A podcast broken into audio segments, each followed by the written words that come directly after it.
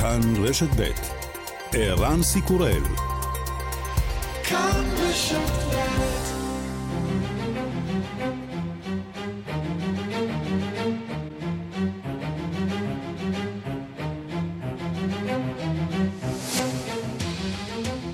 השעה הבינלאומית 2 במאי 2022 והיום בעולם רוסיה ממשיכה להפגיז מטרות באוקראינה, ובכל זאת גם קצת חדשות טובות. במסגרת הסכם בין רוסיה לאוקראינה הצליחו האוקראינים לחלץ מאה אזרחים שהיו נצורים בעיר מריופול.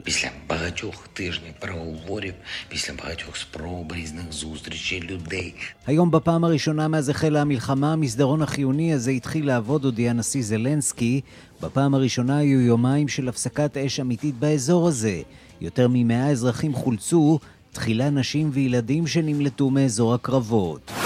ההתבטאות המכוערת של שר החוץ הרוסי סרגי לברוב. ארגומנט он выдвигает, как, как, какая может быть у нас нацификация, когда я еврей. Я, если правильно помню, боюсь ошибиться, но, по-моему, у Гитлера тоже была еврейская. העובדה שזלנסקי יהודי לא שוללת את האלמנטים הנאצים באוקראינה. אני מאמין שגם להיטלר היה דם יהודי, אומר לברוב בעוד הצהרה שקרית. הוא הוסיף ואמר שהאנטישמים הגדולים ביותר הם היהודים. לכל עם יש את הכבשה השחורה שלו. זעם בישראל בעקבות ההתבטאות. ספרד מודיעה כי תוכנת הרוגלה הישראלית פגסוס נמצאה במכשיר הסלולרי של ראש הממשלה פדרו סנצ'ז. Que el software Pegasus ha sido utilizado de modo ilícito en al menos 20 países. יש עדויות על שימוש לא חוקי בתוכנה בלפחות 20 מדינות, אומר השר לענייני הנשיאות. בין הנפגעים עובדי ממשל ואישי ציבור. אנחנו רוצים שמערכת הצדק תחקור ותגלה את האמת.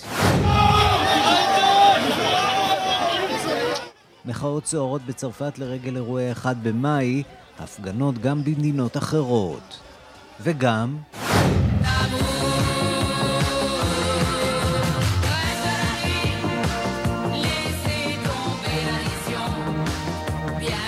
הלכה לעולמה רג'ין, שורדת שואה, זמרת ומלכת חיי הלילה של צרפת והיא בת 92. במשך שנים טענה כי היא ממציאת הדיסקו.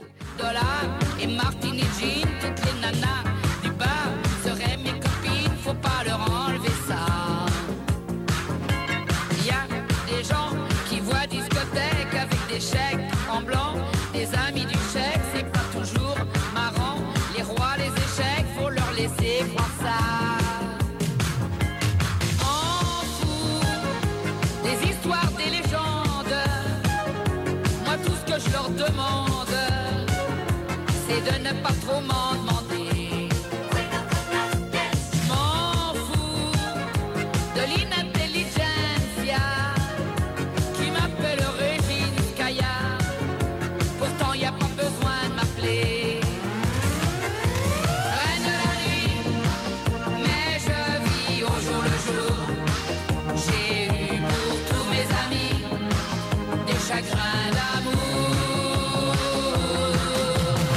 השעה הבינלאומית שעורך זאב שניידר, מפיקה אורית שולץ, בביצוע הטכני יאיר ניומן ושמעון דוקרקר.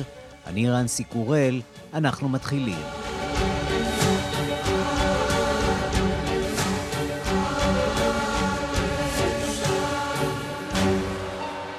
שלום רב לכם. באוקראינה מקווים להמשיך בפינוי האזרחים הנצורים כבר חודשיים במפעל הפלדה בעיר מריופול. בשטח עצמו הלחימה עדיין נמשכת.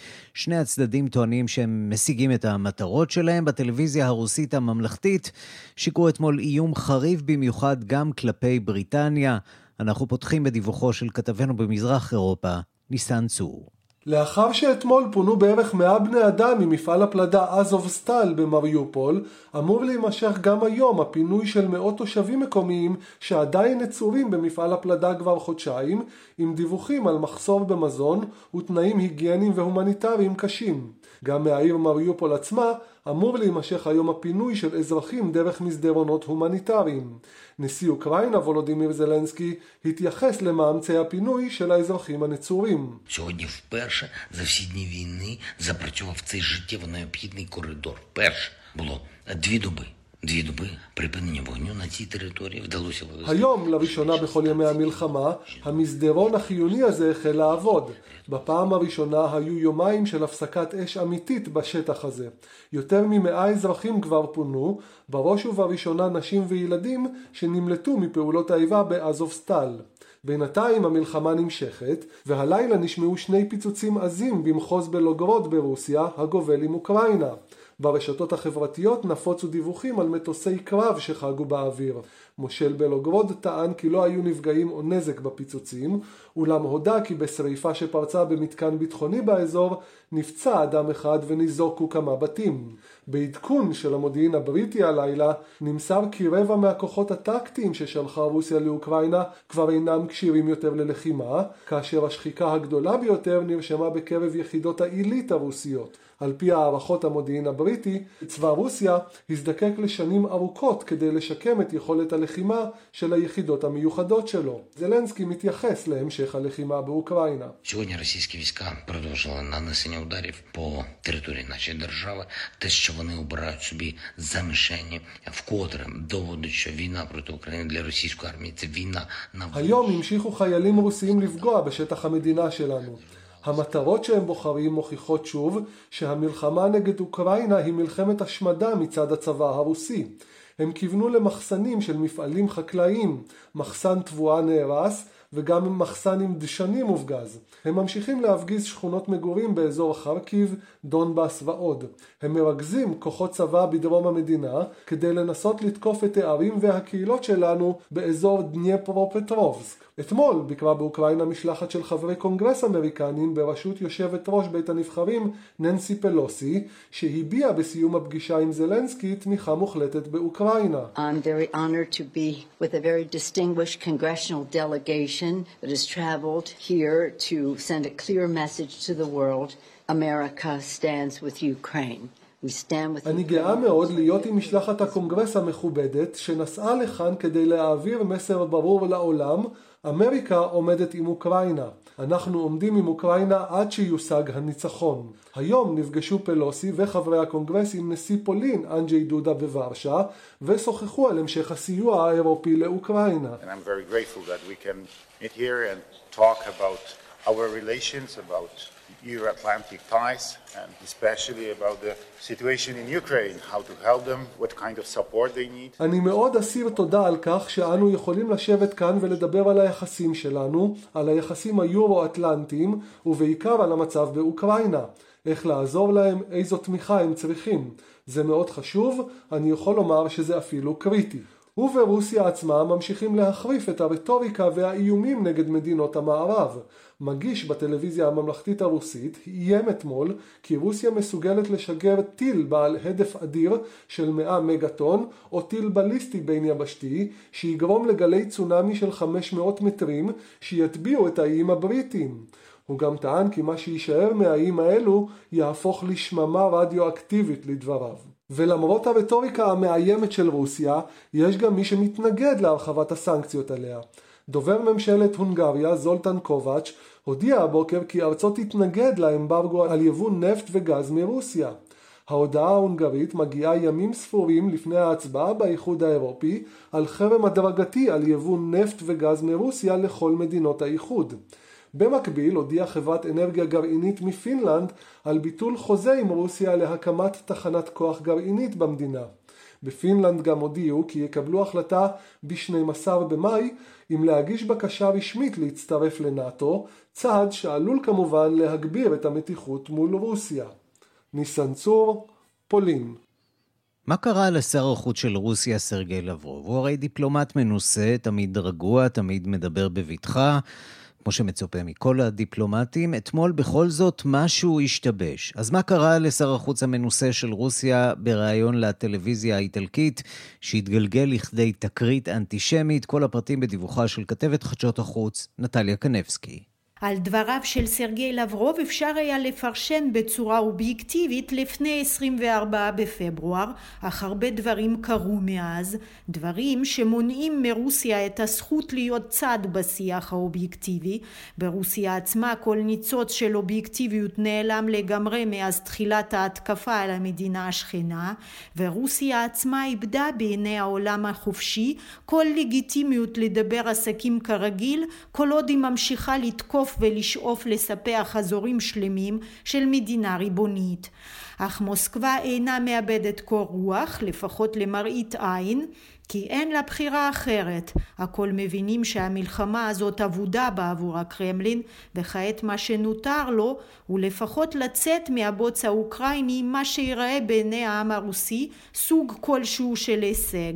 לכן המסרים העיקריים של לברוב בריאיון שארך כ-40 דקות בערוץ הטלוויזיה האיטלקי מדיה-סט הם צפויים מאוד ואין בהם שום חידוש מטרת המבצע הצבאי המיוחד לא השתנתה מתחילתו, אנו מתקדמים ליעדים שהוצבו, לא בטוח שנשיג אותם לפני תשעה במאי, טרפוד וגרירת רגליים בשיחות בין רוסיה לאוקראינה הם באחריות קייב והנשיא זלנסקי, התקשורת המערבית במודע אינה מדווחת את האמת ומפיצה ידיעות כזב. Знаете, мы предупреждали постоянно, когда мы объявили, когда президент объявил о начале специальной военной операции, что ее целями התרענו כל הזמן, הנשיא פוטין בעת ההכרזה על המבצע הצבאי המיוחד אמר שמטרתו היא התשתית הצבאית באוקראינה שבה נעשה שימוש כדי לדכא את תושבי מזרח המדינה וכדי ליצור איום על הפדרציה הרוסית,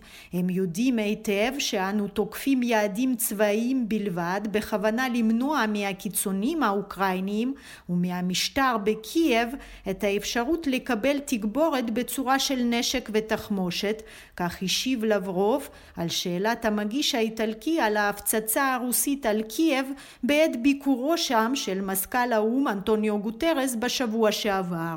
טענה שאינה מחזיקה מים כמו שאר הטענות, כי הטילים המדויקים במיוחד, כפי שכינו אותם במוסקבה, נפלו על בנייני מגורים בקייב ולא על אתרים צבאיים, וההרוגה היחידה מההפצצה הדייקנית הזאת הייתה העיתונאית של תחנת הרדיו האמריקנית אירופה החופשית, רדיו ליברטי, ששהתה בדירתה. Знаете, ну, мне совершенно безразлично, что опровергает или что не опровергает президент Зеленский. У него 7 пятниц на ממש לא אכפת לי מה שזילנסקי מכחיש או לא, הוא משנה את דבריו כל שני וחמישי, ביום אחד הוא יכול לשנות את עמדתו כמה פעמים, הוא אמר למשל שלא נדון בפירוז מנשק ובמניעת האידיאולוגיה הנאצית בשיחות, דבר ראשון הם מטרפדים את השיחות כמו במשך שמונה שנים את הסכמי מינסק, דבר שני האידיאולוגיה הנאצית אכן קיימת, השבויים מיחידת הזוב, הידר ועוד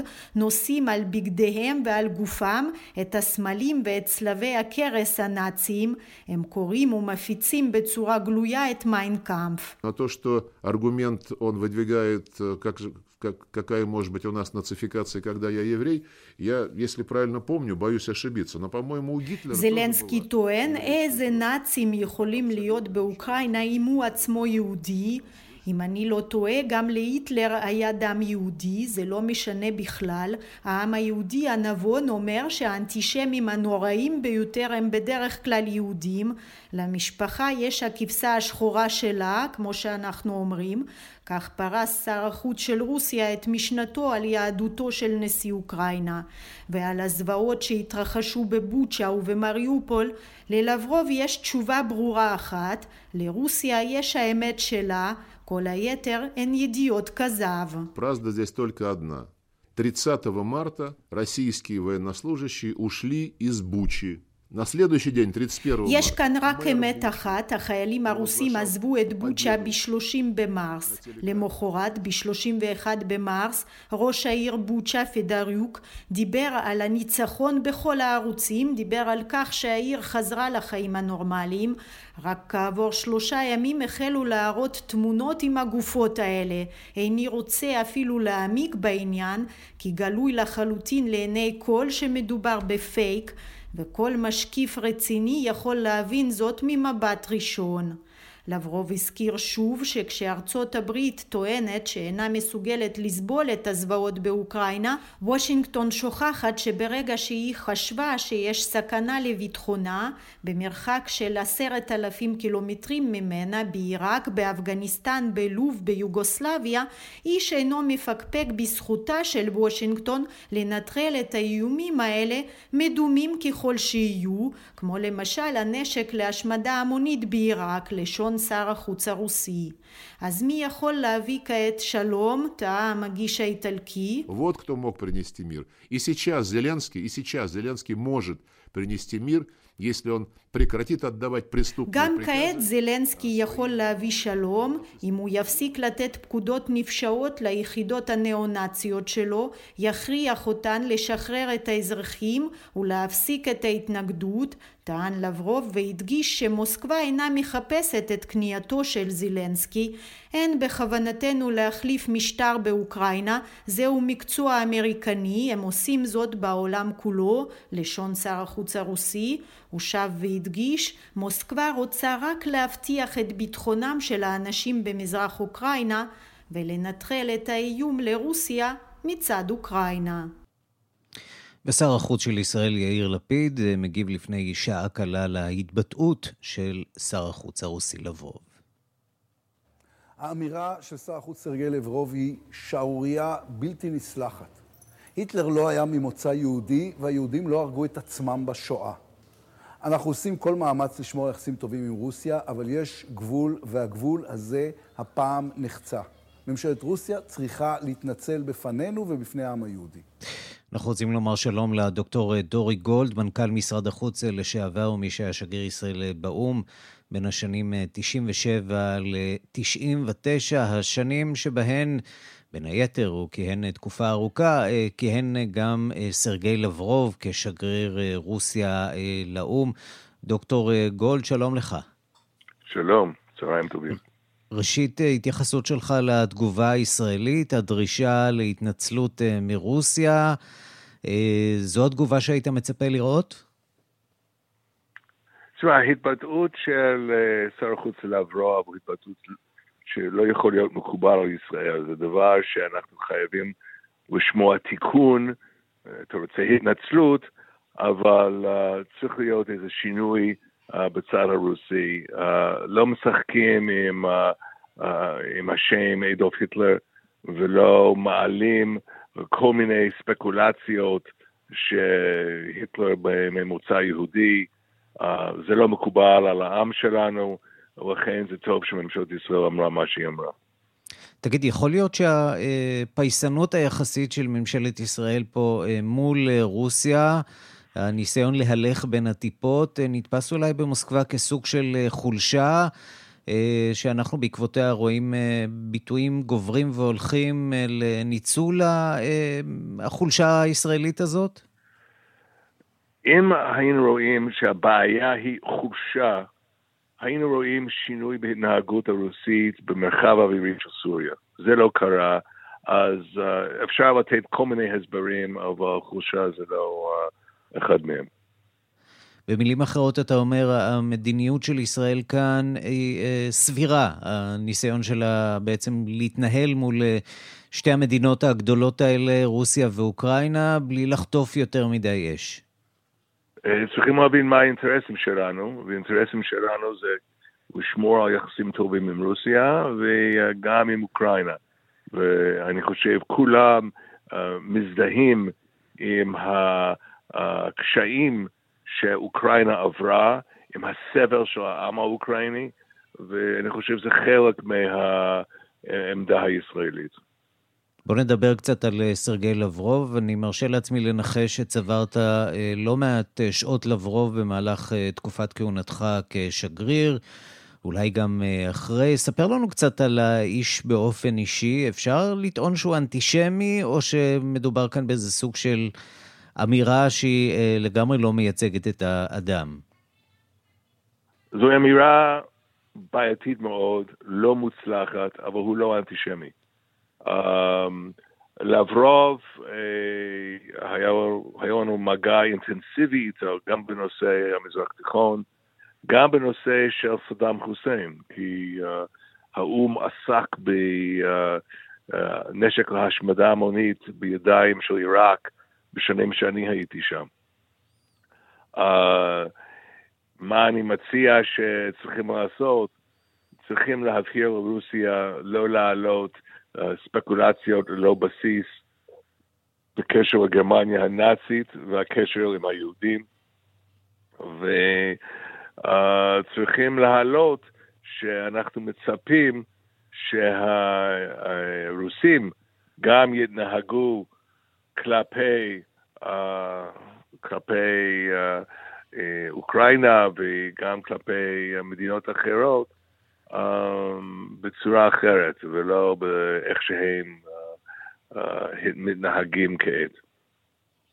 דוקטור דורי גולד, מנכ"ל משרד החוץ לשעבר ומי שהיה שגריר ישראל באו"ם בין השנים 97 ל-99, תודה רבה לך על הדברים. בבקשה. ושלום למקסים כץ, יהודי פעיל האופוזיציה הרוסית, שלום לך. שלום. בואו נתחיל אולי מההתבטאות הזאת של לברוב, שהצליחה להקפיץ פה ישראלים רבים. עד כמה היא מייצגת באמת את לברוב, או שיש פה איזה חריגה מהדמות שאנחנו רגילים להכיר? היא מייצגת מאוד את לברוב, איך שאנחנו ברוסיה מכירים אותו.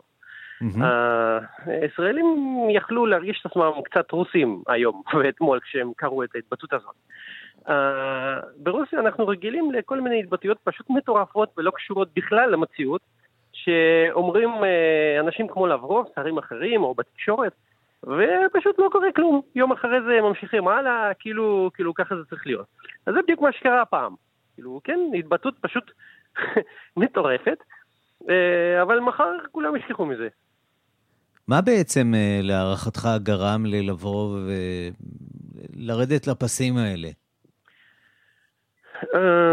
הם כאילו, הם לא כל כך שמחים כל השאלות האלה, שאיך אתם, למה אתם אומרים שהאוקראינים נאצים. בתוך רוסיה, בתעמולה הרוסית, זה דבר שכאילו, כולם מסכימים איתו בתעמולה, שהאוקראינים הם נאצים. בעולם קשה למכור את זה, כי הם לא. אז לרוב לא כל כך שמח מכל השאלות האלה שהוא כל הזמן מקבל, והוא לפעמים מנסה לתת כל מיני הסברים שהוא חושב שהם יעבדו טוב. וזה, הוא חשב שזה יעבוד טוב. יעבוד טוב. הוא חשב שכאילו, אנשים יגידו, אה, כן, בסדר, נו, אז אם גם היטלר היה, אז כן, אז אנחנו מסכימים עכשיו. זה, זה החשיבה שם. בואו ננסה לרגע לפרק את הטענה של אברוב, בעיקר בנוגע ל... לאלמנטים הנאצים שכן יש באוקראינה, כי אי אפשר להגיד שלחלוטין אין שום גרעין של אמת בטענה של לברוב. ואני מדבר בעיקר על אותם גדודים לאומניים שפועלים באוקראינה, אמנם באמת תחת נשיא יהודי, אבל חוגים שהם ללא ספק מזדהים עם גורמי ימין קיצוני ועם הנאצים. דברים כאלה יש בכל מדינה באירופה, גם ברוסיה. גם ברוסיה יש גורמים כאלה. באוקראינה הם לא יותר... כאילו גדולים, לא יותר אה, אה, אה, מפותחים, או איך להגיד את זה, מכל מדינה אחרת, אה, וגם לא מרוסיה. אה, פשוט התעמולה הרוסית מנסה להשתמש בזה כדי להצדיק את המלחמה, זהו. אה, שום דבר חריג לא קורה שם, אה, כל מיני אה, אה, אה, מחקרים שיוצאים על אנטישמיות באירופה מראים שהאנטישמיות באוקראינה היא אחת הקטנות באירופה, אחת הכי קטנות, יותר קטנה מרוסיה, יותר קטנה ממדינות שכנות, יותר נמוכה, וזה לא בעיה שקיימת.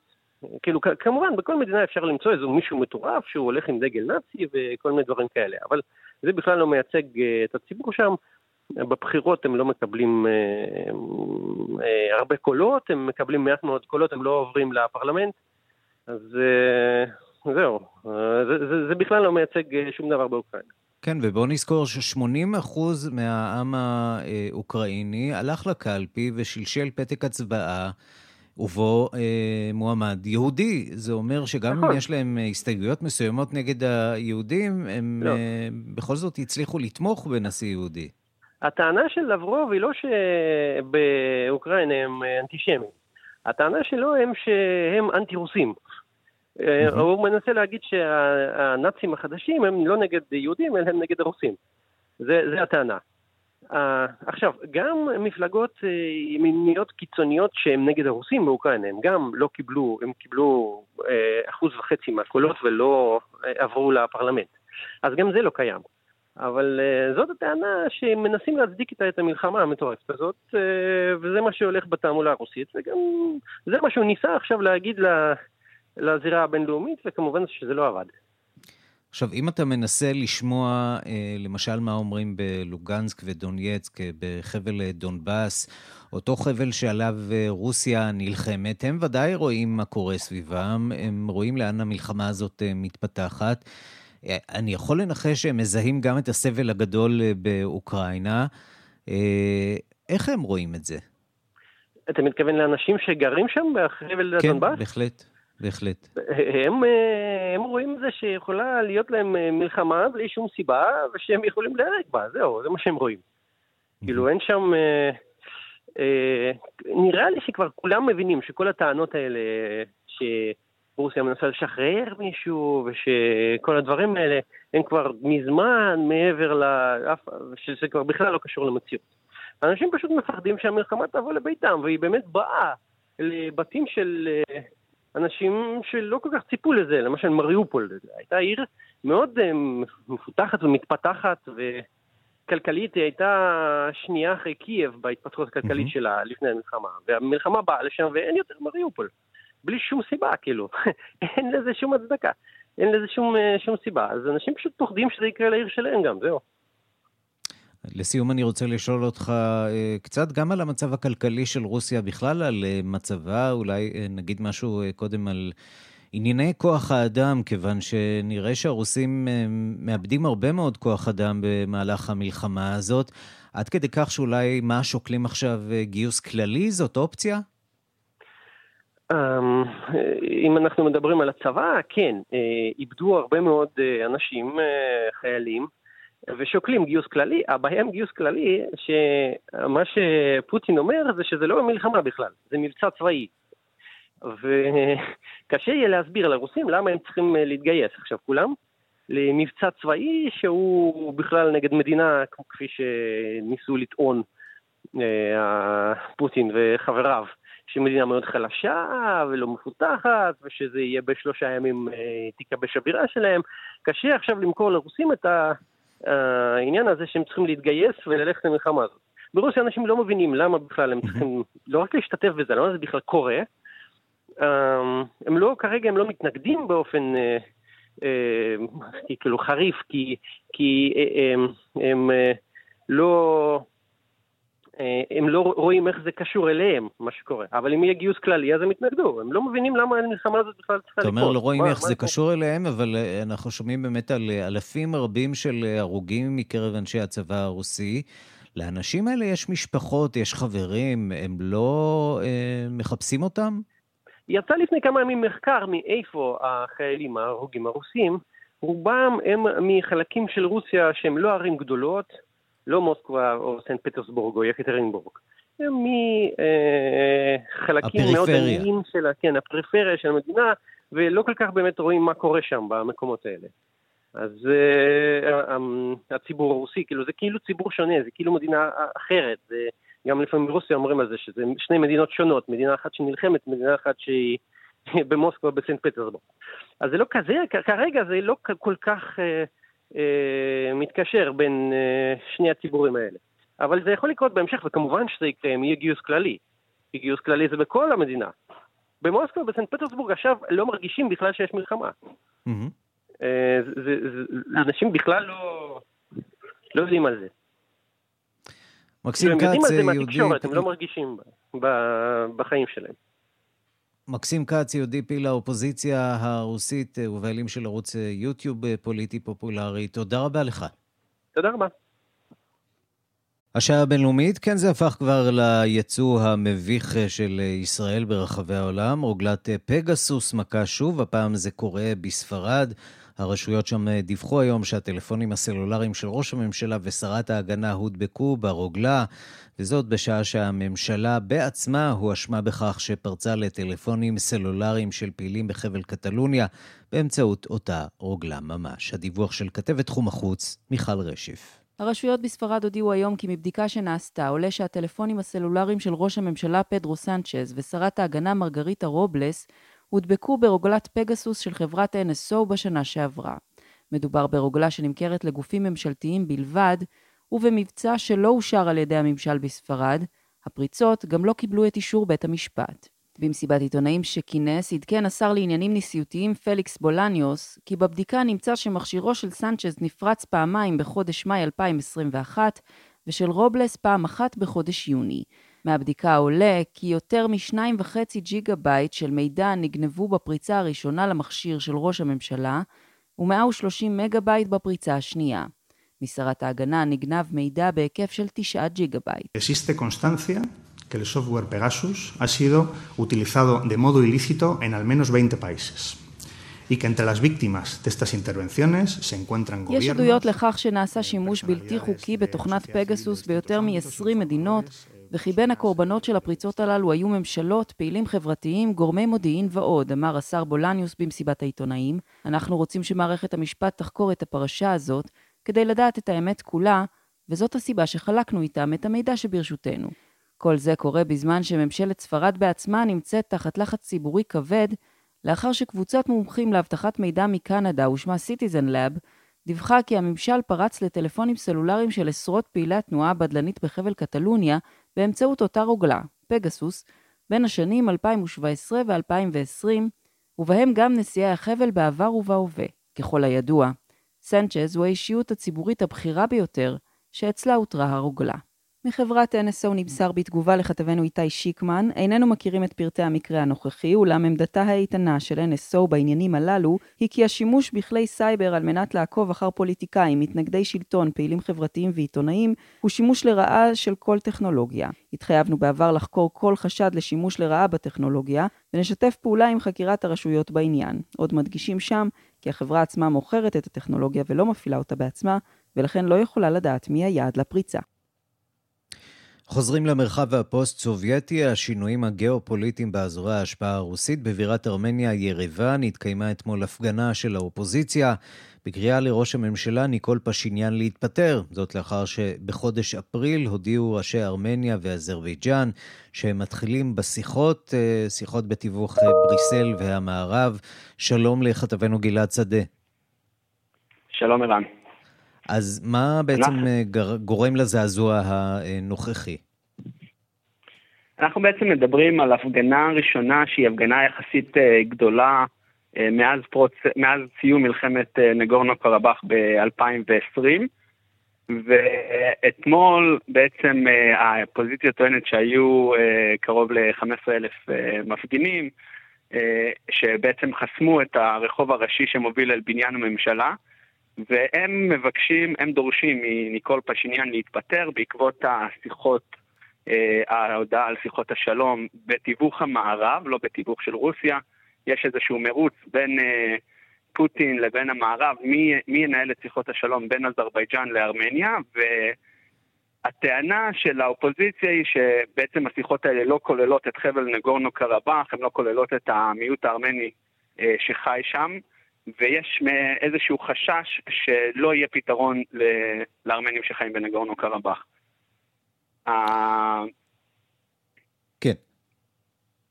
אז, אז מה שבעצם קורה עכשיו בארמניה זה שיש בעצם האוכלוסייה מתחלקת בין האנשים שאומרים הגיע הזמן לעשות שלום, לא משנה באיזו דרך, אולי להתנתק מרוסיה סוף סוף, אולי יש לנו הזדמנות להתנתק מהדוב הרוסי, אחרי כל כך הרבה שנים, ויש אה, מיעוט שנשלט אה, בדרך כלל, שמובל על ידי אה, הממשלה הקודמת שהייתה מאוד מקושרת עם פוטין ומאוד מחוברת לצד הרוסי.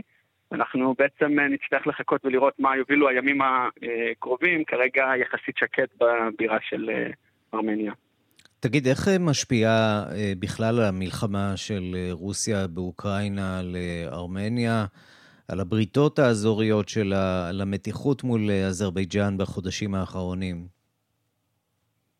קודם כל היו לא מעט קרבות שהתפתחו בין אזרבייג'אן לארמנים בנגורנו קרבאח מאז פרוץ המלחמה. בעצם מי שהיום מחזיק את קו הגבול בין הארמנים בנגורנו קרבאח לבין אזרבייג'אן אלו מה שנקרא כוחות שמירה על השלום של רוסיה.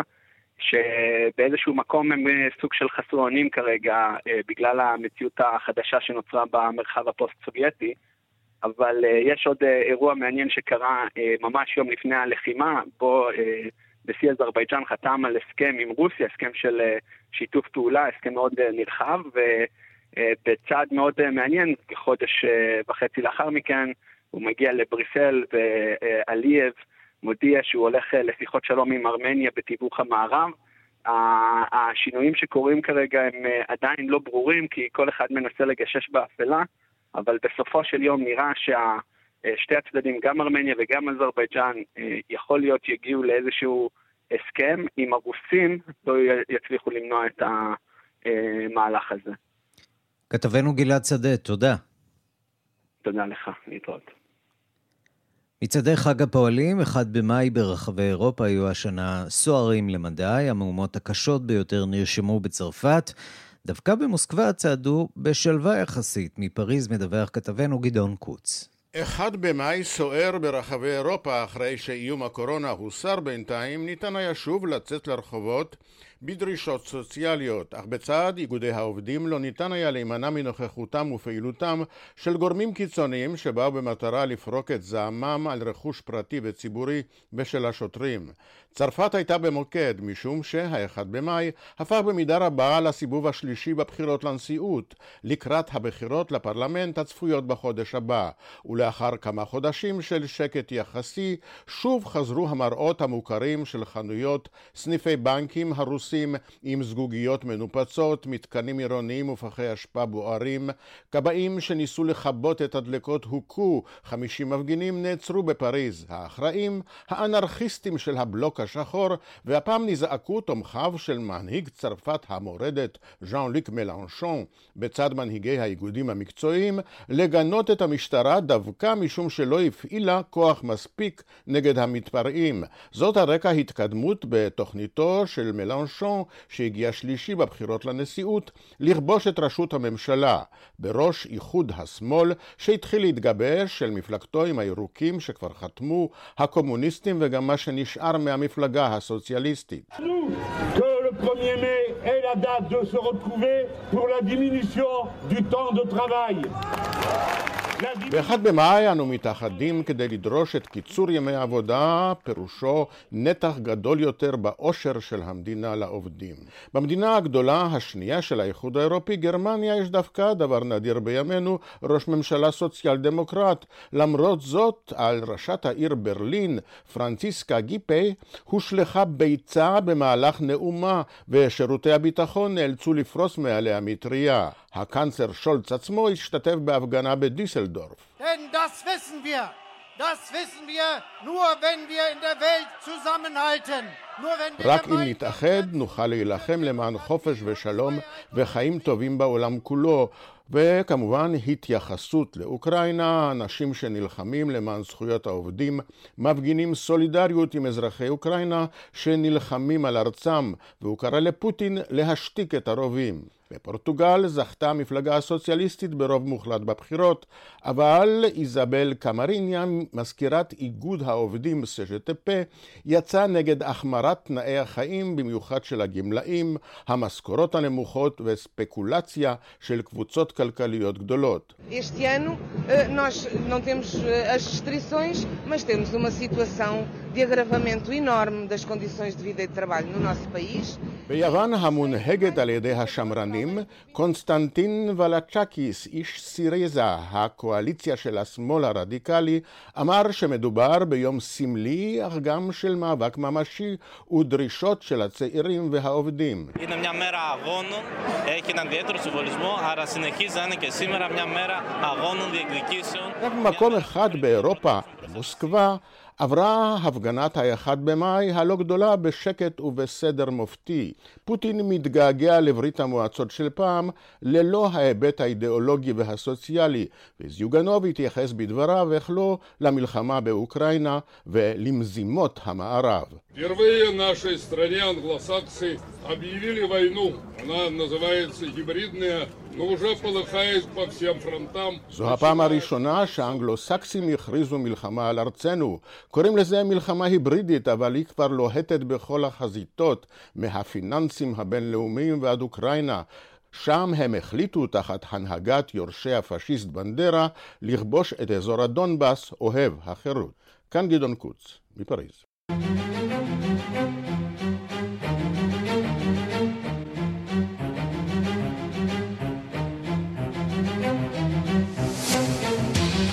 מזכ"ל האו"ם אנטוניו גוטיירש בביקור אתמול בסנגל קרא להחזיר את הסדר החוקתי בבורקינה פאסו, גינאה ומאלי, שלוש המדינות נתונות תחת ממשל צבאי לאחר הפיכות צבאיות בחודשים האחרונים. מנהיג הצבא, ראש ממשלת המעבר של גינאה, הודיע אתמול כי יקיים בחירות חופשיות במדינה בעוד שלוש שנים. הדיווח של עורכת ענייני אפריקה, רינה בסיסט. השנתיים האחרונות היו מסובכות במיוחד באזור מערב אפריקה.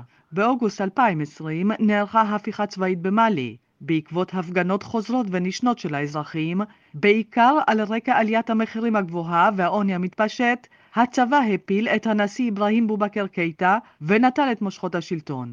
אחר כך, בחודש מאי האחרון, הצבא שוב ביצע הפיכה צבאית. הפעם הוא הפיל את ראש הממשלה האזרחי, שהוא עצמו מינה. בחודש ספטמבר נערכה הפיכה צבאית בגינאה. הצבא הפיל את הנשיא אלפא קונדה, אשר שלט שם ביד חזקה שנים רבות. האיש הואשם בשחיתות ובהפרה חוזרת ונשנית של זכויות אדם. ההפיכה האחרונה, בינתיים, נערכה בבורקינה פאסו. ב-24 בינואר הפיל שם הצבא את הנשיא רוק מארק כריסטיאן קבורה, וזאת על רקע המשבר הביטחוני המעמיק במדינה. המשבר המשולש הזה מדאיג מאוד, קודם כל את האזרחים במדינות הללו, אבל גם את הקהילה הבינלאומית. ארגון הקהילה הכלכלית של מדינות מערב אפריקה נקט כבר בצעד חריף כלפי המדינות הללו. הוא השעה את חברותן בארגון. צעד שיש לו השלכות פוליטיות וכלכליות משמעותיות מאוד. בנוסף, הארגון הציב לגינאה, מאלי ובורקינה פאסו אולטימטום. החליטו על תאריך לבחירות חופשיות, ולא נשית סנקציות כלכליות. הצבא של מאלי סירב, וארגון הקהילה הכלכלית כבר הכריז על סנקציות כלכליות נגד הממשל הצבאי שם. בגינאה לעומת זאת הודיעו לפני יומיים כי אכן יערכו בחירות, אבל בעוד שלוש שנים. גם בורקינה פאסו הכריזה כי תערוך בחירות עוד שלוש שנים. ההודעות של גינאה ובורקינה פאסו על בחירות עוד שלוש שנים לא ממש הרגיעו את הקהילה הבינלאומית, להפך. הן נתפסות כסימן שלילי מאוד. הצבא לא מתכוון לוותר על השלטון, לא בתקופה הקרובה ואולי לא בכלל. אתמול ביקר מזכ"ל האו"ם בדקר. בין הנושאים שעליהם דיבר עם הנשיא של סנגל, היה גם המצב בסהל. הנשיא הסנגלי מקיסל מכהן כמנהיג התורן של ארגון הקהילה הכלכלית.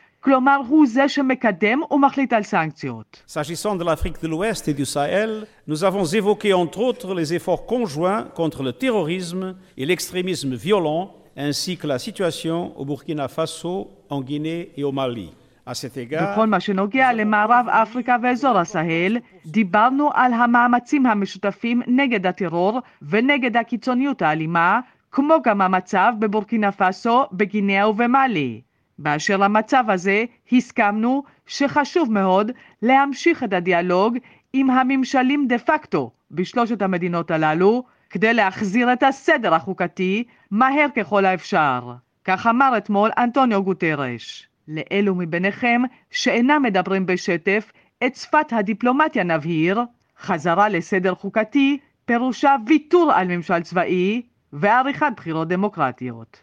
כאן רינה בסיסט.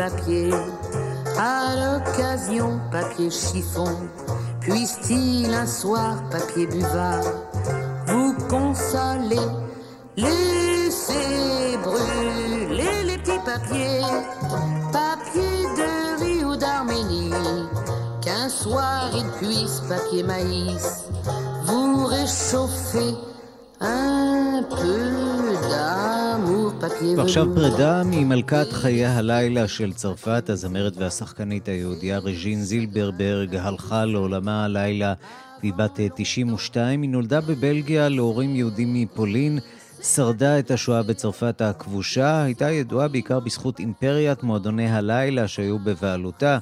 אה, שכללו 22 אה, סניפים מפריז ועד ניו יורק. היא טוענת שהיא זו שהמציאה את אה, מוסיקת הדיסקו, בריאיון שהיא קיימה לפני כשנתיים בצרפת. היא שיתפה שמה שיגרום לאושר זאת הידיעה שגם בעוד 50 שנה יאזינו לשירים שלה. אז הנה פתקים קטנים. fout.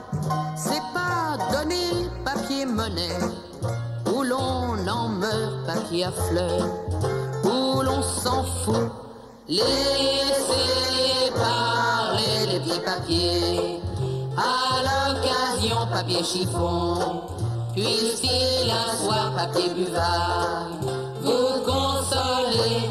Laissez brûler les petits papiers, papier de riz ou d'Arménie, qu'un soir il puisse papier maïs